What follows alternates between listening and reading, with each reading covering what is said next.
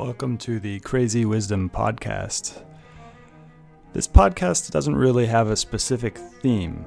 Uh, it covers a lot of my interests, it co- covers a lot of other people's interests. It goes into philosophy, spirituality, business, uh, how to live a good life, many different things. Ultimately, I don't believe in having themes for the things that we do. We can categorize the things, and obviously, we categorize things all the time.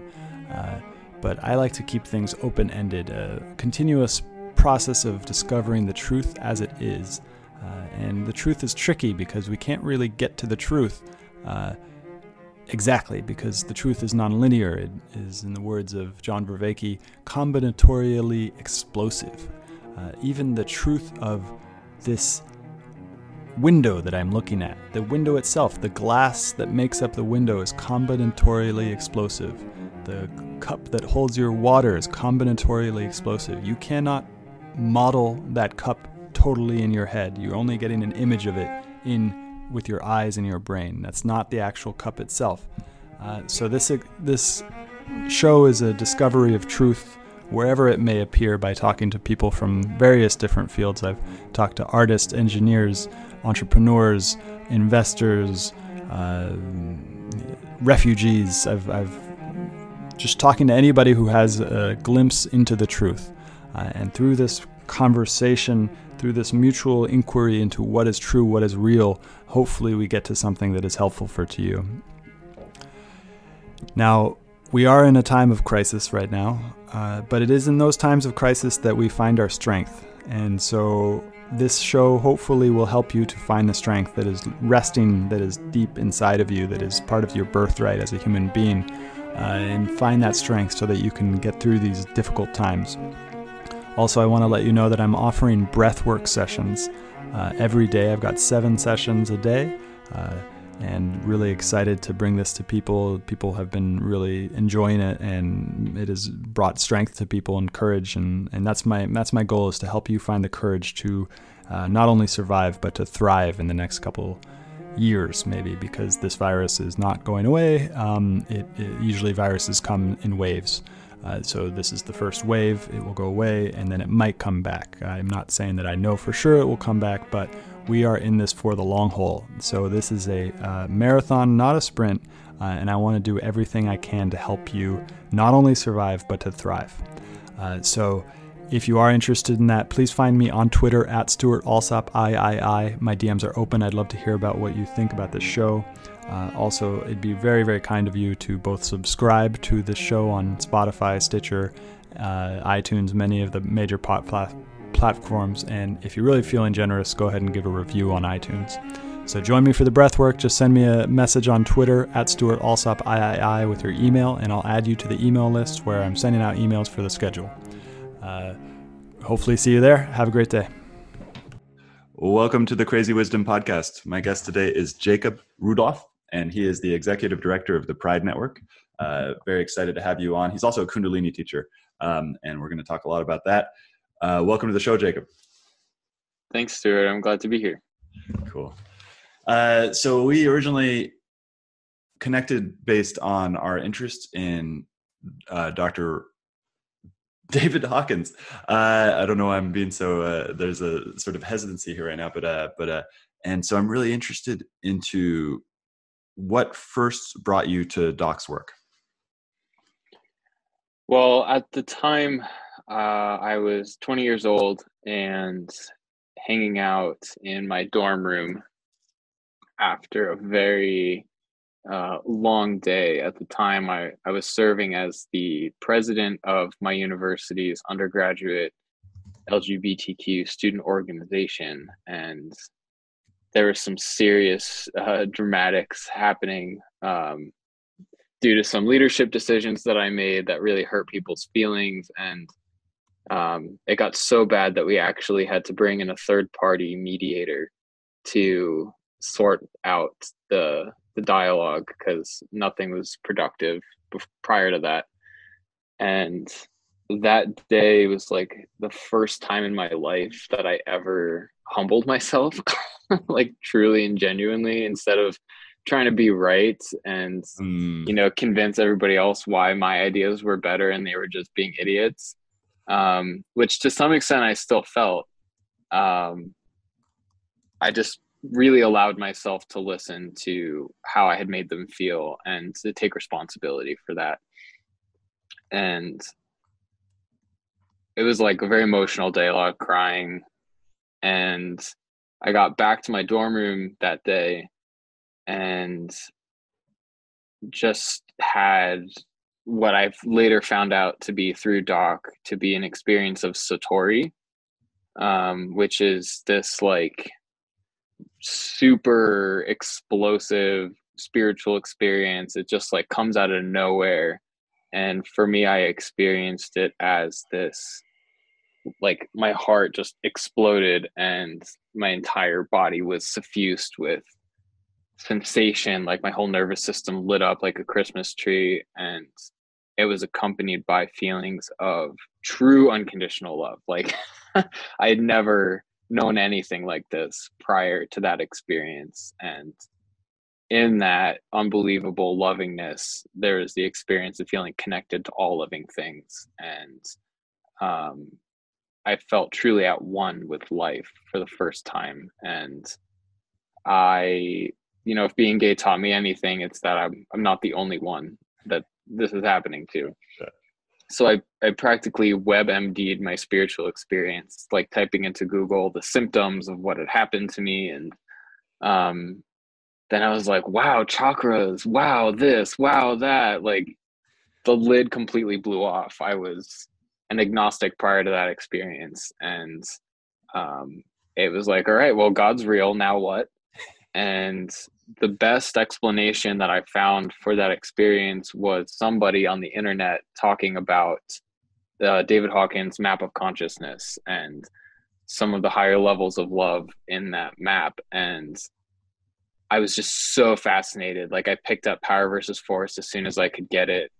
And immediately it just clicked and resonated with me. And I started to get the sense that this guy, like found the turnkey to understanding sort of like the universal uh, field theory or like you know the, this this notion of like you know the, the equation that unlocks everything um, i sort of found like this guy sort of got that through the map of consciousness and i just was voracious i couldn't get enough of david hawkins and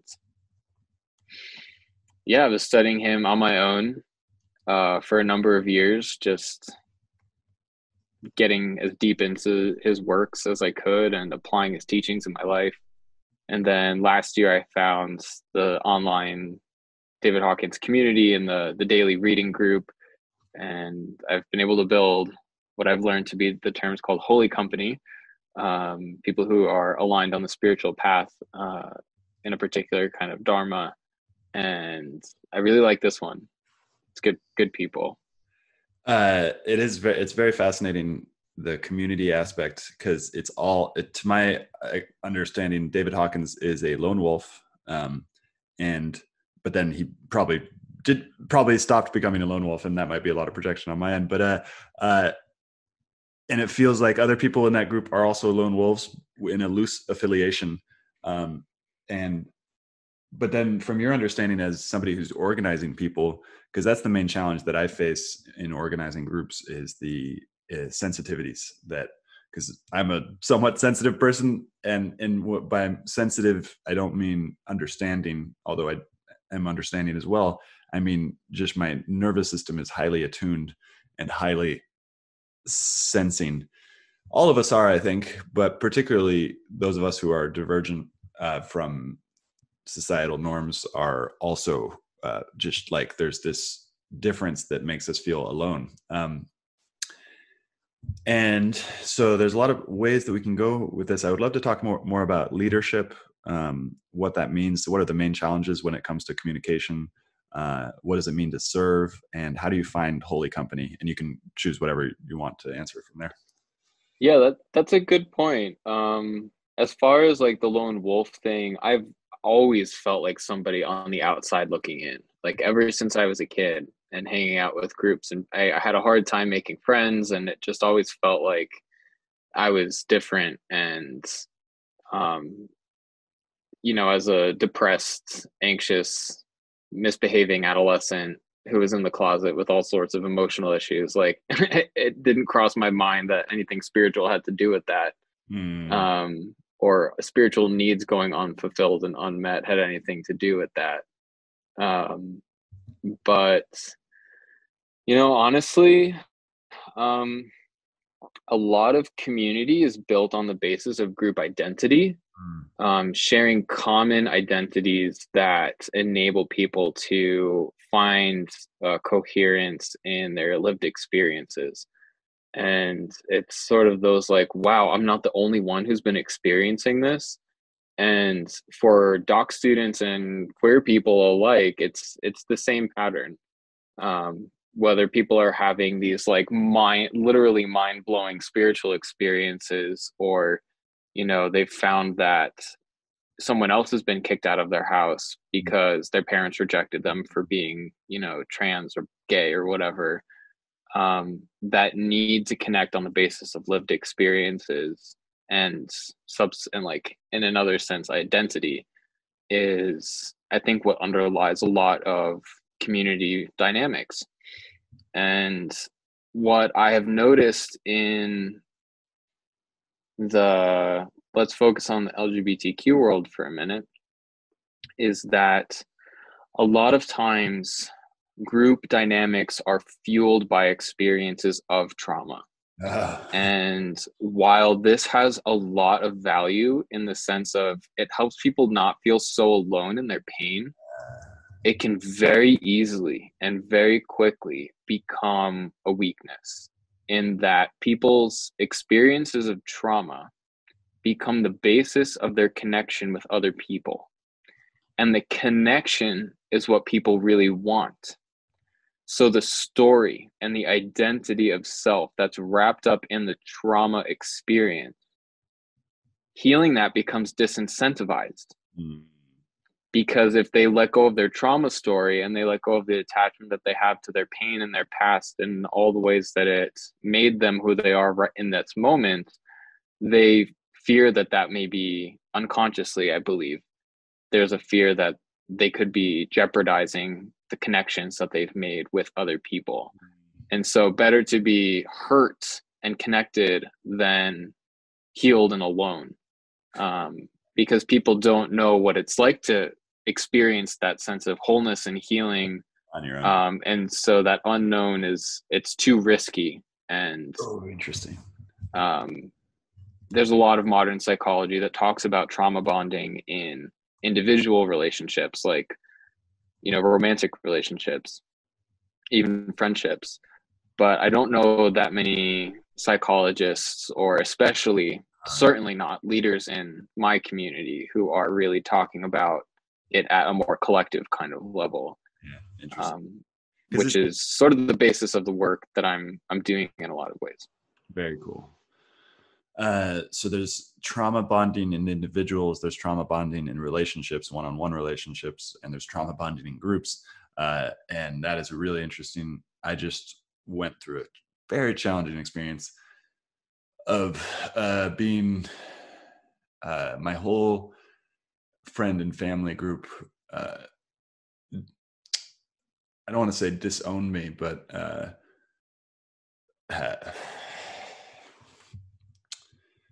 uh, kicked me out uh, of relationship almost uh, for not being vaccinated, um, and it is the most challenging thing that I've ever gone through. Um, and the funniest thing is that I that it I trauma bonded with a bunch of hippies, uh, some of whom are are part of LGBTQA, but uh, but there is a huge uh, uh, seems like division in that in that community as well in terms of of what, what was just discussed, but. Um,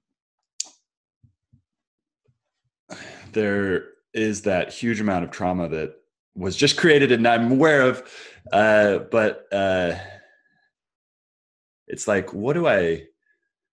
And I know, and I've learned a lot from Doc and the Course in Miracles that it's like forgiveness, but then I can't push the forgiveness either. And like at the moment, it's just it is off in terms of my relationship with my fam- family and most of my friends, and probably will be for probably about a year. Um, and uh, it's like, uh,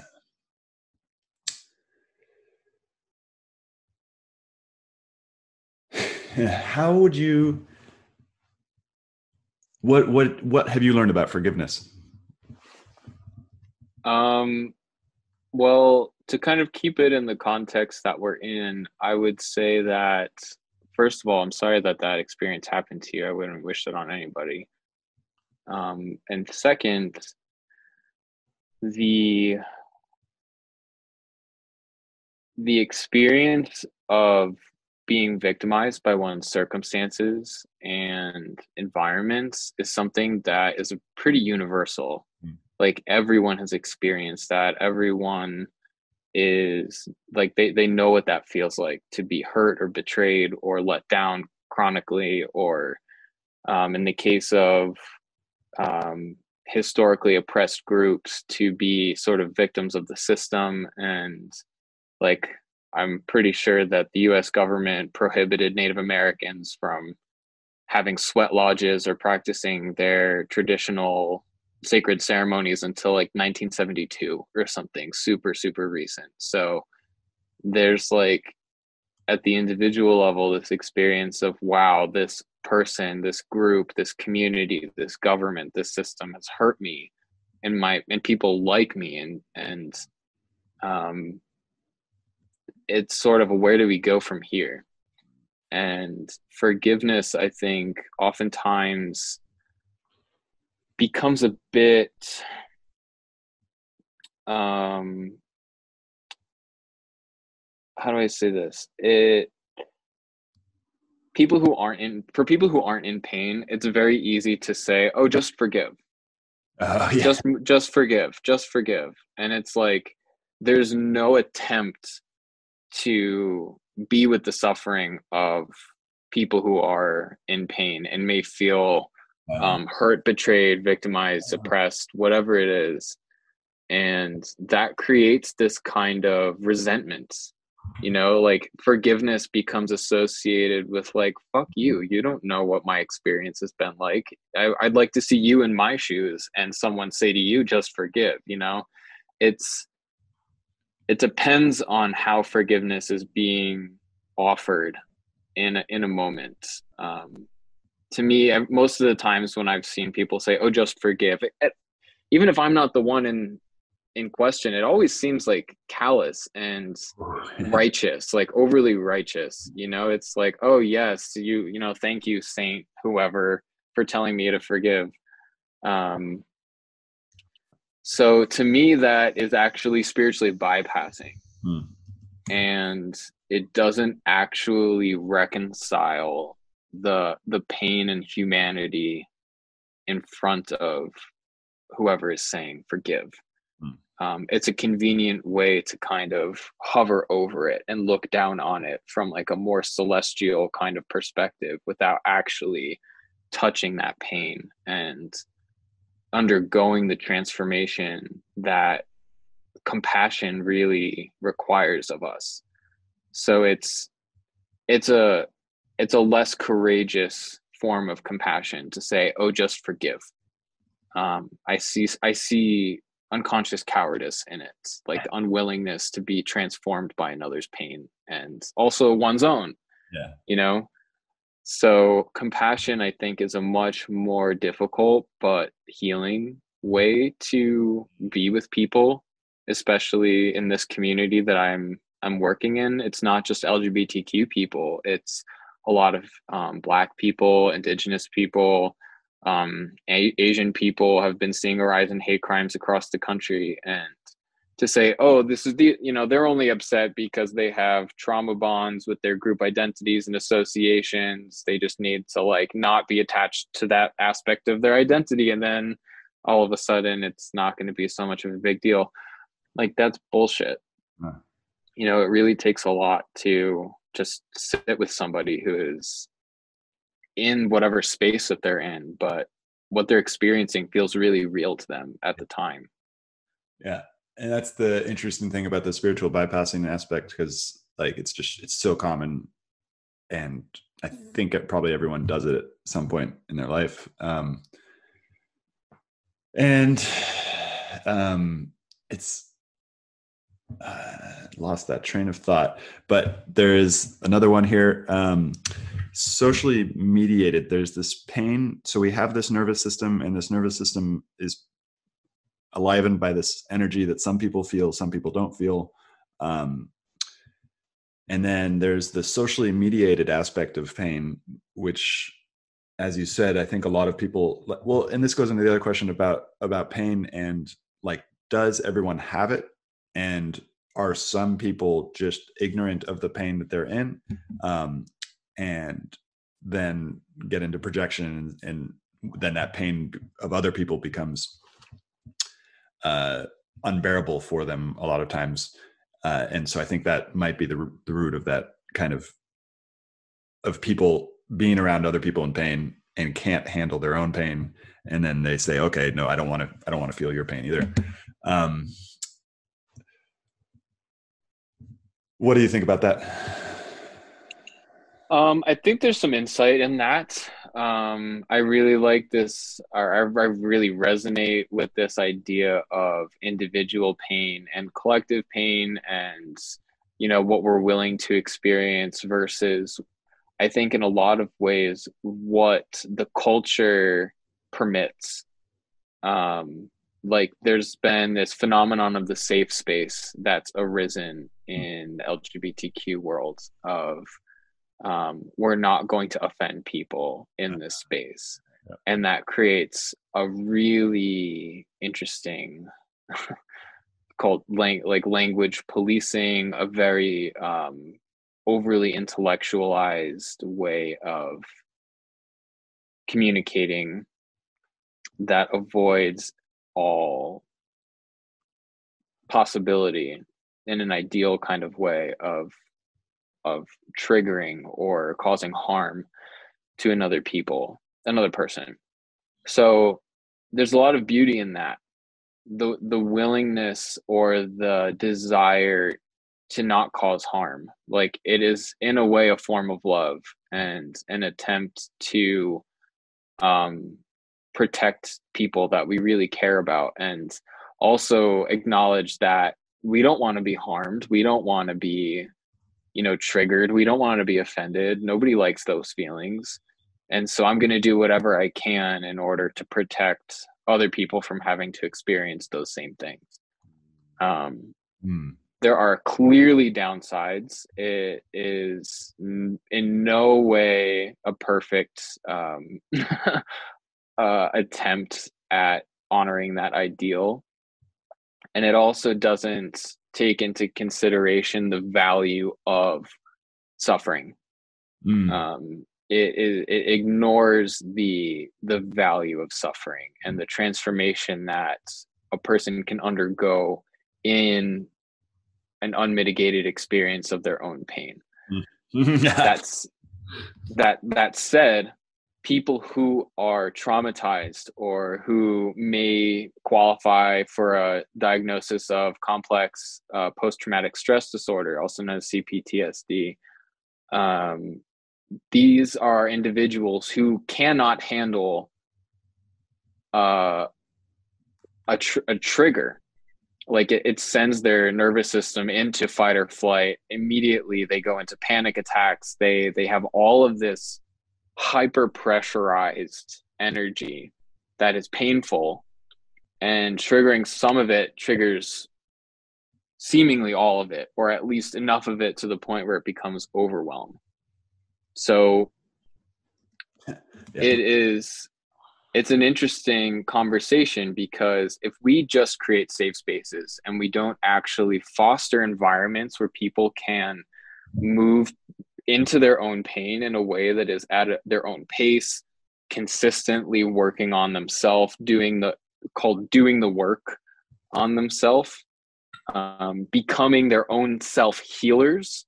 If they don't, if they're not provided with those tools and skills and modalities and um, awareness, like people just aren't even aware of these things, then we just have a group of people who are traumatized in pain, overly sensitive, reactive, and will project all of that pain onto the world and then create all sorts of discontent and um, strife and discord in the civic and social discourse. So it serves nobody to ignore the pain and um, not at least call it in at an appropriate pace.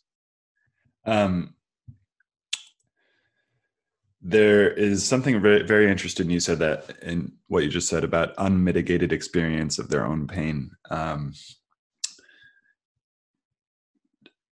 what I get from Doc and what I get from other people, uh, there's a name for this, which is existential kink, uh, uh, which, which uh, uh, is uh, that instead of running away from the unmitigated experience of your own pain, you run towards it not run towards it because that would bring in the the exact thing you just said about about like uh, re-triggering PTSD, which is one of the most uh, complex spider webs of intricacy that I have found yet as to how to unwind that, uh, how to unwind the tension between not going back into a nervous system state of total disregard for reality. And but then also going in and clearing it out because uh, it does seem that it needs to be cleared out. Not that it needs to be but that it would be beneficial to all those around me if i were to have a direct experience of my own unmitigated pain. Um, and so how do you do that? How do you find that balance between re-traumatizing yourself and uh, getting to a deeper understanding of your pain? Those are really good questions. I think some basic education on trauma itself is really valuable. And this is stuff that you don't have to go to school for, you don't need a therapist for. There's a lot of resources online. Um, and a, a person who I would lift up in this conversation as a great resource to anybody who's listening and dealing with this kind of stuff is um, the holistic psychologist. She's on Instagram. Her name is Dr. Nicole LePera. She, I'm getting chills. Like she's just, she's leading millions of people in what she calls a self healing movement of providing basic education around things like attachment theory, uh, trauma bonding, um, nervous system regulation, tools to foster well-being um, that aren't like woo woo like they're they're really solid uh, practices that anybody could pick up regardless of whether they're spiritual or not or would self-identify as spiritual or not. Um, so basic education is probably the first and foremost. One of those points of education is what's known as the window of tolerance. So when we're able to understand what our nervous system can handle or from a more sensory perspective instead of that was kind of a theoretical explanation. When we can feel into our bodies and notice when we are experiencing symptoms of anxiety or uh, extreme stress like our, our, there's so much tension that we're feeling in our hands our heart is starting to race our blood pressure is going up our vision may be getting like tunnel vision um, when we are in that space, we know that that is where we have to relax and pull back. And if we keep going, we're going to push ourselves into unawareness. And so, an unmitigated experience of pain is only valuable if we're able to maintain awareness mm. in that pain. Mm. If we are unconscious through flight or flight, survival, freeze, fawn, you know, there's all these other ones if we're mm-hmm. in this reactive space to what's happening and we lose awareness, then we're just harming ourselves with the pain that's inside of us. The healing comes about through what David Hawkins calls recontextualization. When we're able to look at something in a context or look at something through a lens that is more compassionate, that is less judgmental, that is more willing and understanding, or even just basically courageous. If we're able to take a lens like that and hold something that's coming up in our awareness with that quality, whether it's courage or willingness, again, acceptance, um, neutrality, this this sort of it's okay if it's there, it's okay if it's not there attitude. Um, that is what is going to create healing within one's own experience. So that is probably what I would qualify and what I believe I've heard David Hawkins qualify as the spiritual method. Mm. So, recontextualization, holding something from the past in a more courageous context. That's the spiritual way.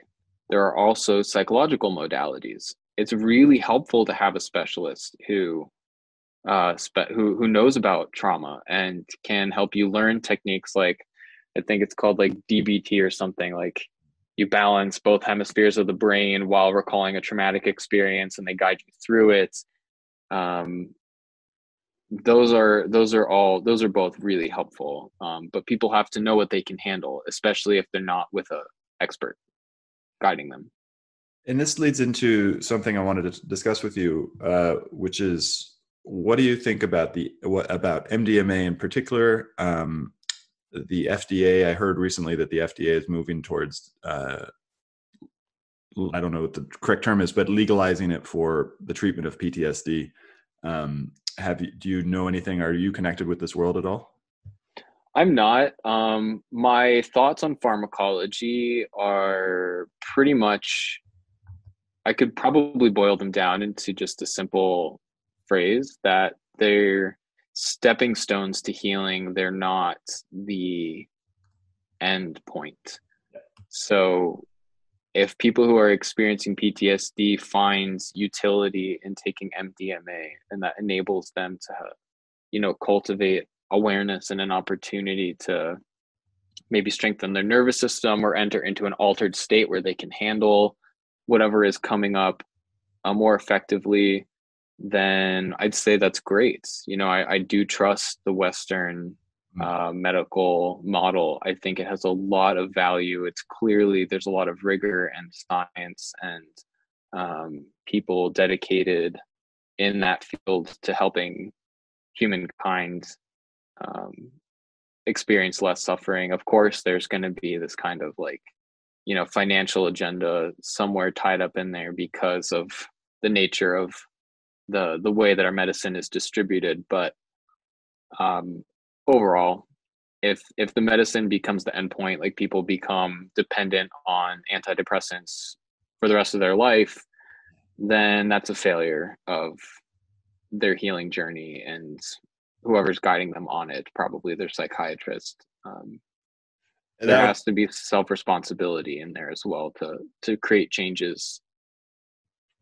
The uh i got it in that web. That was the hardest thing that i've ever done in my life although this past two years have, have matched it. Uh the trying to get off of wellbutrin and uh the um methylphenidate which is ritalin which i was prescribed when i was a very young age was so challenging and there was no plan. They were just like oh here take these pills. These pills will solve all your problems. Uh, and uh, but I and I'm like you, I agree that the Western model is like has done some very very incredible things for humanity. Uh, but we're now in this strange place where, uh, as you said, the profit motive is leading to some really really strange externalities related to just kind of misattention and atomization of everything. Uh, and Kafka wrote about this in a really interesting way and I think Kafka was more correct than either Aldous Huxley or uh, George Orwell in the sense that it's just becoming more and more bizarre. Like uh, that, it's not necessarily there's like that pleasure pain type of thing that Huxley and Orwell got into, but it's just like as the meaning making structures of society dissolve under this just incredible degree of technological innovation. Uh, everything's becoming bizarre, cartoon like. Um, but maybe it was always like that. Like that's the sense I get from David Hawkins' work is that at the higher levels, things like the way that my mind works right now is is insufficient for understanding uh, what happens at the higher levels of, of consciousness. Um, and that the further you go the more bizarre everything gets. Uh,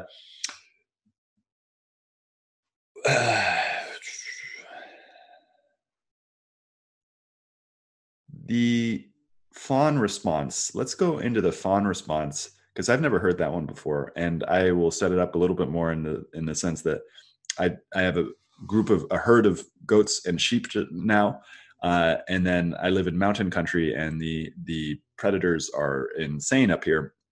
Uh, and I, they've already well, they've now got two of my goats one in the beginning of the season the rainy season in november uh, and a mountain lion got my goat. And then i think just two days ago i lost another baby goat uh, to some sort of predator whether it was and and i got a dog as well. The dog is one quarter wolf and i can't tell whether the dog got the baby goat or whether it was a, a fox that my neighbor saw on her cameras. Um, and a few days before that I've, i had two baby goats. I now only have one baby goat and that one baby goat I found out is a fainting goat uh, because the dog was chasing it around and got it pinned, uh, and then uh, the the goat was just had, was fainting, and I thought it was dead. I was like, oh shit, I just lost another goat, and um, but then it turned out it was just fainting, and I had actually somebody had told me about this and asked me whether my goats were fainting goats, and I was like, I have no idea what you're talking about. And then you go on YouTube, and there's just a hilarious videos of goats fainting um, and uh, and so but this fawn response what what is the fawn response um so yeah we traditionally there's been the fight and flight um, which is the most well known. Then freeze got added in which is when your nervous system your, your sympathetic nervous system is overstimulated um, you just like freeze. Like you just like you can't speak. Like the words get stuck in your throat. You just sort of like uh fawn is more like people pleasing mm. um that's people pleasing shows up as a chronic fawn response to stress so it's just sort of saying like yeah yeah yeah sure sure sure no problem like avoiding the the experience and the stress of conflict um, and just capitulating in order to uh, not increase tension in the nervous system. Oh my god, it's so interesting. And th- this goes back to a question about how do you tell the some the difference between somebody in CPS PTSD and someone on the dark triad? And for those listeners who don't understand, a dark triad is um, narcissism, sociopathy, sociopathy, and psychopathy. Um, for the nar- narcissism bit, and David David Hawkins is quite clear on this is that everybody has the the core of the ego is narcissistic so everybody is narcissistic but um but there are some people who are across the line in terms of that that thing how do you tell the difference how can you how can you because the main challenge that I've run into is the, getting enwrapped with people who are sociopaths or narcissists um and I can't do that anymore can't do that anymore at least not in the form that I used to do it. Uh, and so, how, what would you what, what would you talk about this, or are there any other people that you would suggest reading about this? Um, I don't believe I'm qualified to talk about that, so I'm not. I'm not going to pretend like I could mm. immediately like distinguish or advise people on on how to differentiate in between CPTSD um, and this dark triad. I haven't heard that term before. But I will say that um, of David Hawkins' teaching that has brought me a lot of peace is understanding the difference in relationships between involvement and alignment. Mm. And he describes the difference as involvement is horizontal. Like we just get involved with other people there's all this like we we we get so caught up in what their business is what they're doing how they're treating themselves and others you know they're not eating they're drunks they're you know they've lost their job or they're not working or they're not showering or they're you know it's like people who are um, pulling on tendencies inside of us to fix, to control, to save, to you know uh, care give, to like all of these all these things that we think are expressions of love. That oh if i just save this person from themselves then i am you know this is how i'm going to show them that i love them. Or you know i know that this this you know my my boyfriend um really needs a therapist right now and he's not seeing one and he's been unemployed and he's done all these things and he's gotten in trouble and but i don't care. I see his potential. I see what a beautiful bright soul he is on the inside and it's like don't be so stupid you know? Just don't get so caught up and projected into your environment that you're not able to see something for what it is and actually have the humility to recognize the limitations of your own power. Mm. um and this is like i'm talking to myself too you know? I'm i'm a recovering codependent and um thank god for the the progress that has occurred in my life in, in healing all that. Like finally after years of work i'm i'm in a secure attachment style. I don't get involved in my relationships to the absolute best of my ability. And instead i've chosen consciously and again and again and again like it's not just something you decide and then it's magic and the rest of the life is like that. It's every time the the thoughts of codependence here the thoughts of involvement in my relationship come into my awareness and i catch them and i say okay no we're not going to go there i mm. see this part of me that still needs to be like healed and loved and cared for and you know this this chronic out picturing of salvation or healing or you know wholeness um, is really just have really just been expressions of my own needs for those things and so um, instead of giving from an empty cup i tend to align myself with people who are like-minded and like-hearted um, this doesn't mean that it turns into like spiritual elitism hmm. either of like oh this person is not evolved and so i'm not going to associate with them it's just like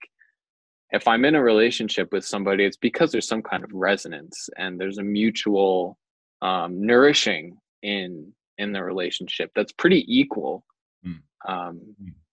so that that tends to be my benchmark is you know am i always the one reaching out or are they also kind of willing to connect with me and being okay when relationships fall mm. being okay when the time has ended to maintain contact with certain people and it's not because i don't like them or because i hate them or you know harboring secret resentment. It's just maybe the alignment isn't there anymore and they're going to live their life and i'm going to live mine and um, that's okay. Hmm. uh, i want to talk about nonprofits and for those listeners who don't know what what is a nonprofit I could give you a few answers, but I'll. um, a nonprofit, at least at the level that I'm working, um, it's a small organization. Uh, it's uh, it, it's uh, there's like a technical term. I mean, we we don't sell things; we provide services, and um, we get our revenue through donations and fundraising rather than um, products. And are um, you are you the one raising money? Oh yeah. are you the only one in the organization? I'm the only full time staff. So I have a board of directors uh, that support the organization by taking on small projects and mm. um, contributing financially in their own capacity. Mm. But I have a couple of contractors who I'm working with hmm. and um, some volunteers as well. Mm. Um, and the biggest uh, so I've, I've i have some ideas for some nonprofits uh, and uh, the biggest challenge that i see is actually what we've been talking about the whole time uh, is that really fine line between raising money raising money is an interesting activity i grew up around people who know how to raise money in terms of uh, high tech companies. Um, but nonprofits represent something interesting for me, which is the idea that it's pure philanthropy, pure no sense. Well, there is a sense of utility, but that sense of utility isn't directly tied to the raising of money. It, seems like it seems like the raising of money is tied to um, uh, values, uh, goals, uh, um, common understanding, those types of things. I don't really have a specific question on this one, but what do you think about this idea of raising money uh, in a company sense versus a nonprofit sense? Um, I mean, look, the private sector is going to pay any competent professional oodles of money more than they would make in the nonprofit world.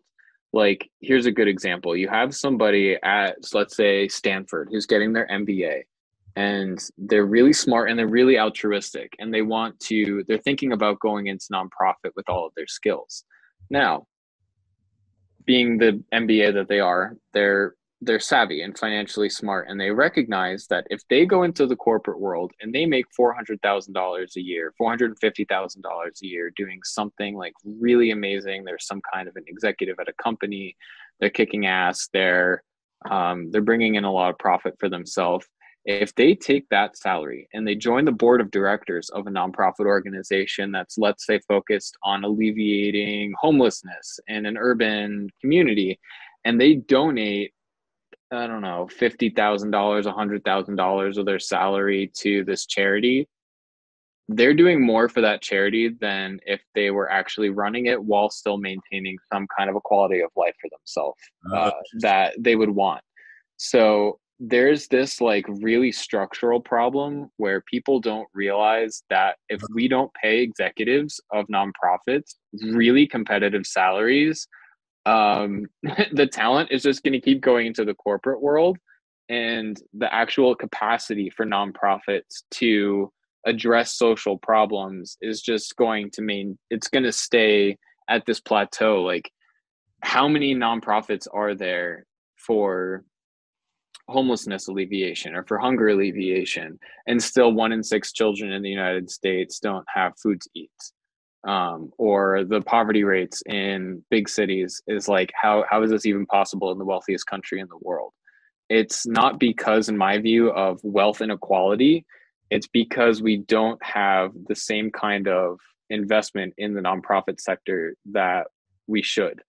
Um, i think only 1% of gdp goes to philanthropy. Mm. if we if we bump that up to 2% mm that would increase the capacity of nonprofit organizations like crazy like crazy. I think it's like 70 something percent of nonprofits are actually like churches and religiously affiliated organizations. So only 30% are actually providing social services. Mm. and it's a it's it's a much larger scale problem but with respect to funding corporate versus funding nonprofit there's this paradigm that's going on that oh i don't want my money just going to pay people's salaries at nonprofits. I want the the money to be going to help the homeless people. And it's like well good luck hiring talent in the nonprofit world if you're not going to pay them very much you know? Yeah. Yeah. Uh, what have you learned about humility from raising money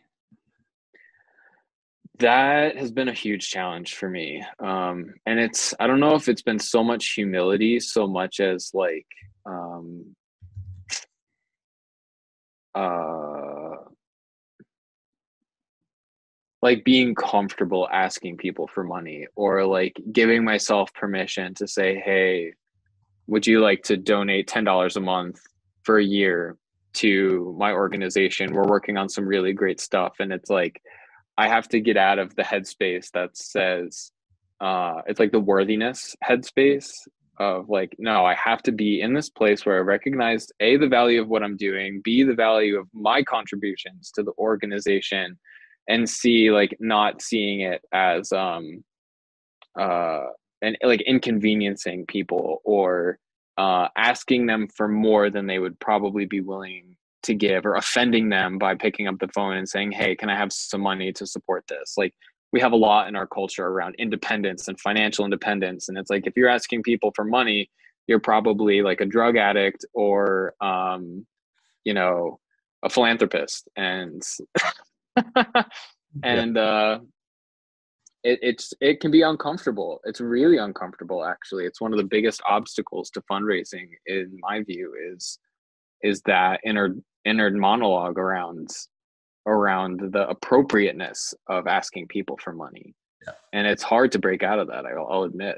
I've been doing this for four years and it's still tough it's still tough. So hard it's so hard. Um, there's a few things that i could bring into the conversation. The first is that um, the nonprofit is very interesting because this might be a potential avenue for finding more fundraisers uh, and i want to be not discreet i want yeah i want to be discreet about it but uh, there's like nonprofits also are being used for laundering money uh, in the same way that uh, uh, cryptocurrencies can be used for money laundering and just plain old cash. Um, uh, and I don't want to go talk about that so much, but I want to talk about that there is an interesting avenue. It's hard for me to get at. It's like uh, I, I, once went to a university town to do a podcast series on people raising money for NGOs for uh, for new technology, um, and it's like there are rich people who give money to companies and those same people probably would give money to nonprofits but there's also an intersection of people who are giving money to nonprofits who also give money to uh, tech companies and i don't know what i'm trying to get at but there's there's um, something related to that uh, and then there's another story that I have of me and my dad used to go fly fishing. And so my dad is an investor, uh, a technology investor, but he's also become a philanthropist for um, fishing and uh, rivers and uh, all sorts of, you know, just like how do we protect California's amazing uh, river system and the dam it turned out the dams the dams we built in the 1950s and the 1960s destroyed a lot of California's beautiful river system. Um, and we once went out to dinner with uh, somebody who offered us a free fishing trip to, and it was a nonprofit, and they were trying to develop new business. And it was so funny watching my dad, who is a difficult person to do business with uh, because he's extremely direct, uh, and they were trying to get more money but the guy wasn't experienced and he didn't know how rich people think basically um, and he angered my dad we got on this awkward extremely awkward uh, boat trip where they, had paid for everything but my dad was unhappy and this guy was not t- sensing my dad's unhappiness and kept on trying to pick at it. And it was the most awkward experience. Being stuck on a boat for four hours going down the sacramento river. On the was one of the most awkward experiences of my life. Um, and uh, how well so yeah um how do you use or who do you mostly raise money from if you can talk about that and how do you use social media to raise money and how do you understand because rich people are the only people who have money to kind of donate how do you understand the mentality of rich people um so i just want to answer a few things in there the yeah. first i want to address is the point you raised about nonprofits doing money laundering um, I have never heard of that before. And if it is happening, I just want to assure viewers that it's less than much less than 1% of any nonprofit. So um, not to not to say that there aren't organizations doing that, but I don't want to perpetuate a myth that that it's something that's common. Um, it's it's a very if it's happening, it's it's very very uncommon. Mm. Most nonprofits are working really really hard to provide services for their community and um, are, are working in integrity and complying with laws and, and all, all things like that.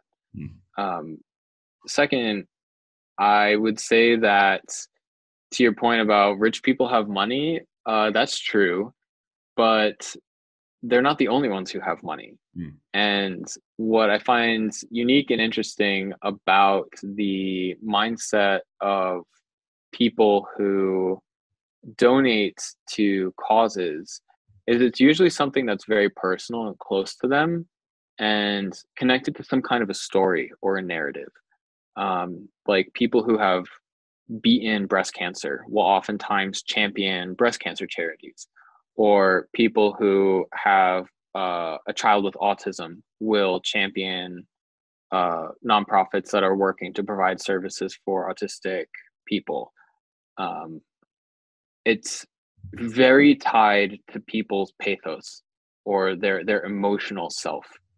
Um, when a nonprofit is able to effectively tell a story about how the money that comes in is being leveraged to improve the quality of somebody else's life or to um, address a problem in society that people have really strong feelings about uh, that is what tends to bring in the dollars and mm. most of them i would say do not come from rich people mm. i'm sure rich people are very charitable but the overwhelming amount of donations comes from the middle class.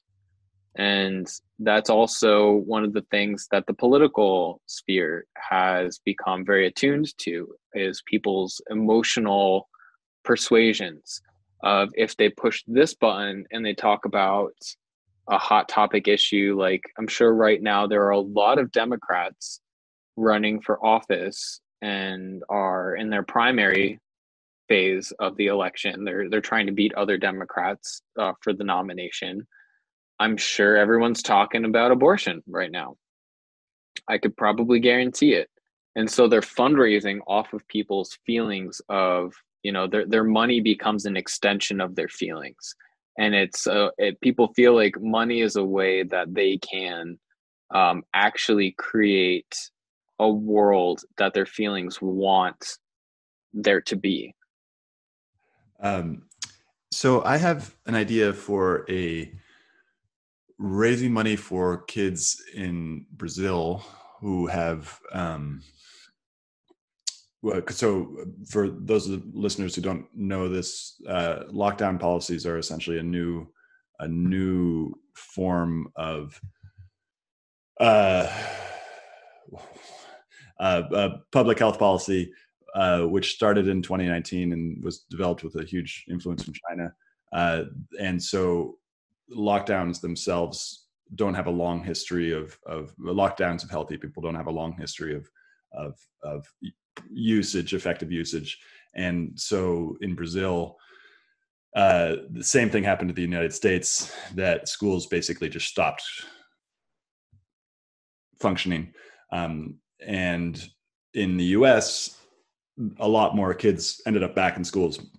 But in brazil it just basically never came back. Um, and I haven't checked on it in the last four to five months, but there are a lot of there are already a lot of homeless people, homeless kids in Brazil, um, and then now there are a whole lot more homeless kids in Brazil, and so I want to raise money for that, um, and the I, have identified who I want to raise money from, uh, but I haven't identified how to actually get the money from them to the people in Brazil I do have a lot of connections in Brazil, and I can ask a lot of people in Brazil uh, how to do this. But do you have any suggestions on how to evaluate clients for receiving money?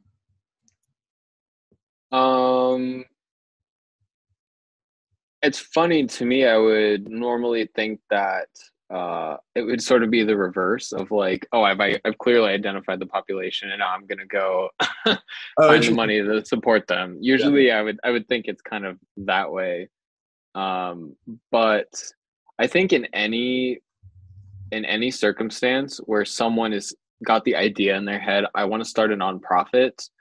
My first point of advice would be to find organizations that are doing similar work, reach out to them and find out ways to get involved through their infrastructure.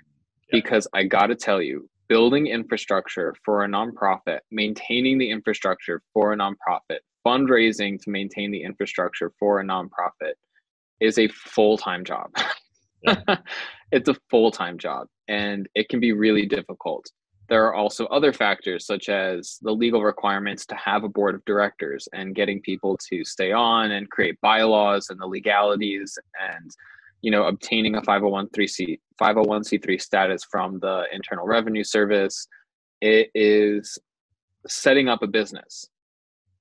And it's not something that can just flower from good intentions those would be much better served by reaching out to organizations that pre-exist volunteering for them donating to them um, fundraising for them working as like a, a, you know a volunteer fundraiser and donating your money or creating uh, special investments like setting aside certain amount of like if you're investing a thousand dollars a month let's say setting aside you know 200 300 dollars 250 dollars in a separate account that will appreciate and then you take a certain like you donate the the returns that you get off of your investments to the organization consistently like there are so many different ways for people to support causes that would not in any way require them to have to go through the absolute ninny gymnastics of mm-hmm. starting their own 501c3 so, so th- this this is brilliant, and I'm really glad that I asked this. How do how can I serve as a channel uh, for fundraising? Uh, you kind of answered it there already, so maybe we should go further into that. There's a particular thing that you mentioned about um, an investment vehicle for uh, to channel money into um, into causes that already exist. Um, but that what was that investment channel you, you said you said basically get an endowment um, and then give the and then invest that money and then let the proceeds go to uh, charity yeah i mean maybe it's not like a formal endowment but if if you're investing a certain amount of money and you decide to take a percentage of whatever returns you get on your investment and then donate that to charity then oh. that's like that's just that's another way to support and as far as where the money comes from, you know, these organizations already have their strategies laid out. Yeah. Maybe 20% of it is coming from corporate donations. Mm-hmm. Um, like maybe Coca Cola is throwing a lot of money into feeding America or something. I don't know, because they're a food related company. They're throwing money into helping people get fed, whatever it happens to be. Um, mm. so they'll know what kind of fundraising streams they need help with.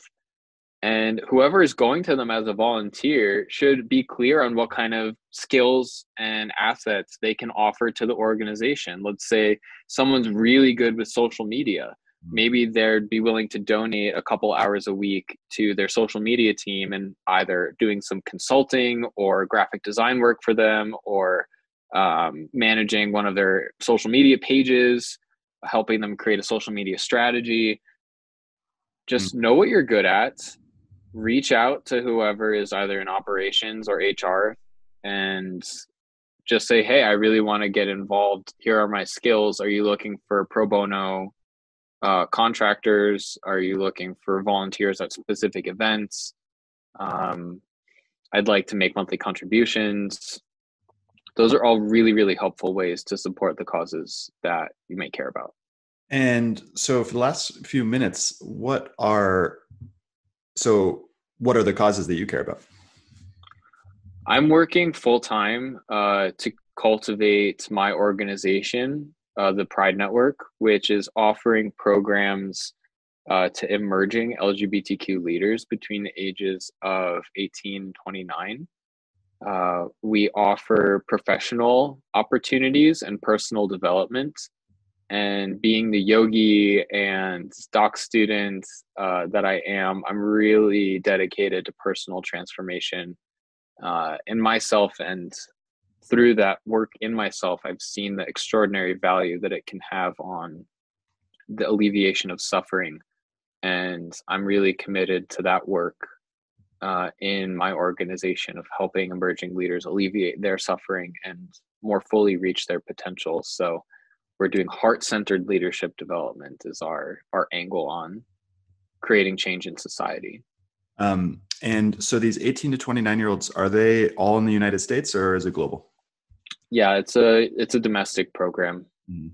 Um, but we have leaders from all across the country who, who participate. And and what about the um, uh, is it mostly in the cities or are you offering for in more smaller towns as well? Um, we are offering it to people all across the country. So it's really just a matter of where we get applications. A lot of times, LGBTQ people will live in big cities. Um, rural areas tend not to have resources for queer people. They tend to, in some cases, be discriminatory against them. And so we see a lot of migration to metropolitan areas um, and then, so if people are listening to this, how can they find out more? Um, any social media? Uh, yeah, I would probably direct them to our website, thepridenetwork.org. And we would appreciate your donations. We would appreciate your comments in our. We have a volunteer tab if you want to get involved and support the work that we're doing. If you're also dedicated to creating more heart centered leaders in society who can build bridges and, um, you know, help light candles instead of fan the flames. Um, yeah. and how can people volunteer? What What are some roles that uh, that you're looking for right now? Uh, we're definitely looking for people to support our efforts in uh, fundraising, especially corporate uh, side of things. So corporate contacts at any companies would be much appreciated. Um, helping us with so our events are pretty local, so I wouldn't necessarily put that out there, but yeah, just type in what you're good at and we'll find space for you. Social media, marketing. Um, we're also looking for people to join our board of directors as well. So if someone feels qualified or if they have prior nonprofit experience and they want to get on board, then that's something we'd we'd explore too. And so this is the last question. What um, what do you look for in a board member specifically for a nonprofit? Um, ideally, they have experience. They've got a good network. Uh, they have skill sets that they can offer to take on small projects and things like such as marketing, fundraising, operations, um, PR, mm, events. Uh, yeah. Very cool. So for those of us of the, you listening, uh, go check out Jacob Rudolph's work um, and uh, go sign up to be a volunteer if it calls to you. And uh, thank you so much for coming on the show. Stewart, it was a pleasure. Thanks for having me. Hope you enjoyed this episode. I'll be publishing episodes every Monday, Wednesday, and Friday in the morning. If you did enjoy this episode, please find us on iTunes, Spotify, Stitcher, many of the major podcasting platforms, and go ahead and give us a review. And also subscribe. And as always, I'm on Twitter at Stewart Alsop III. Come join the conversation as we aim towards the truth. And the funny thing about truth is that you can't really put it into words because every time you put the truth into words, you create a linear narrative out of something that is nonlinear. The truth is nonlinear. It's not. It's. It's. If you really recognize the truth right now, your mind wouldn't know what to do. It'd be overwhelmed by beauty and pain, or it's it's something that is beyond our linguistic capability to represent. But that doesn't mean that the language isn't helpful. Language can point us in the direct right direction, but it's it's not it's not the truth itself. And so, come join this collective inquiry into the truth Find me on Twitter at Stewart Alsop III. Uh, subscribe to the podcast. Share the podcast with your friends. Uh, most people don't have the ability to let go of this linguistic understanding of the way that the world works and just aim for the truth, regardless of what the language tells us. Uh, and so I think what I'm doing with this the show is is necessary for us because as we enter this stage of uncertainty uh, and we are most definitely entering an age of uncertainty. And as we do, it's really, really important that we stop paying attention to what the mind is telling us all doesn't mean to say that the mind doesn't have its place. The mind obviously has its place, but it's just one of the senses. It's just one of the tools that we can use. We can use the mind, we can use the feelings, we can use our actual senses. Uh, we can check our intuition with other people because sometimes the intuition tells us the wrong thing as well. Sometimes the intuition is wrong. So it, we can't we can't rely on any one tool to get us there. So come join the show. Find us on iTunes. Find us on Twitter at Stewart Alsop III. Uh, and come join the, this inquiry for truth.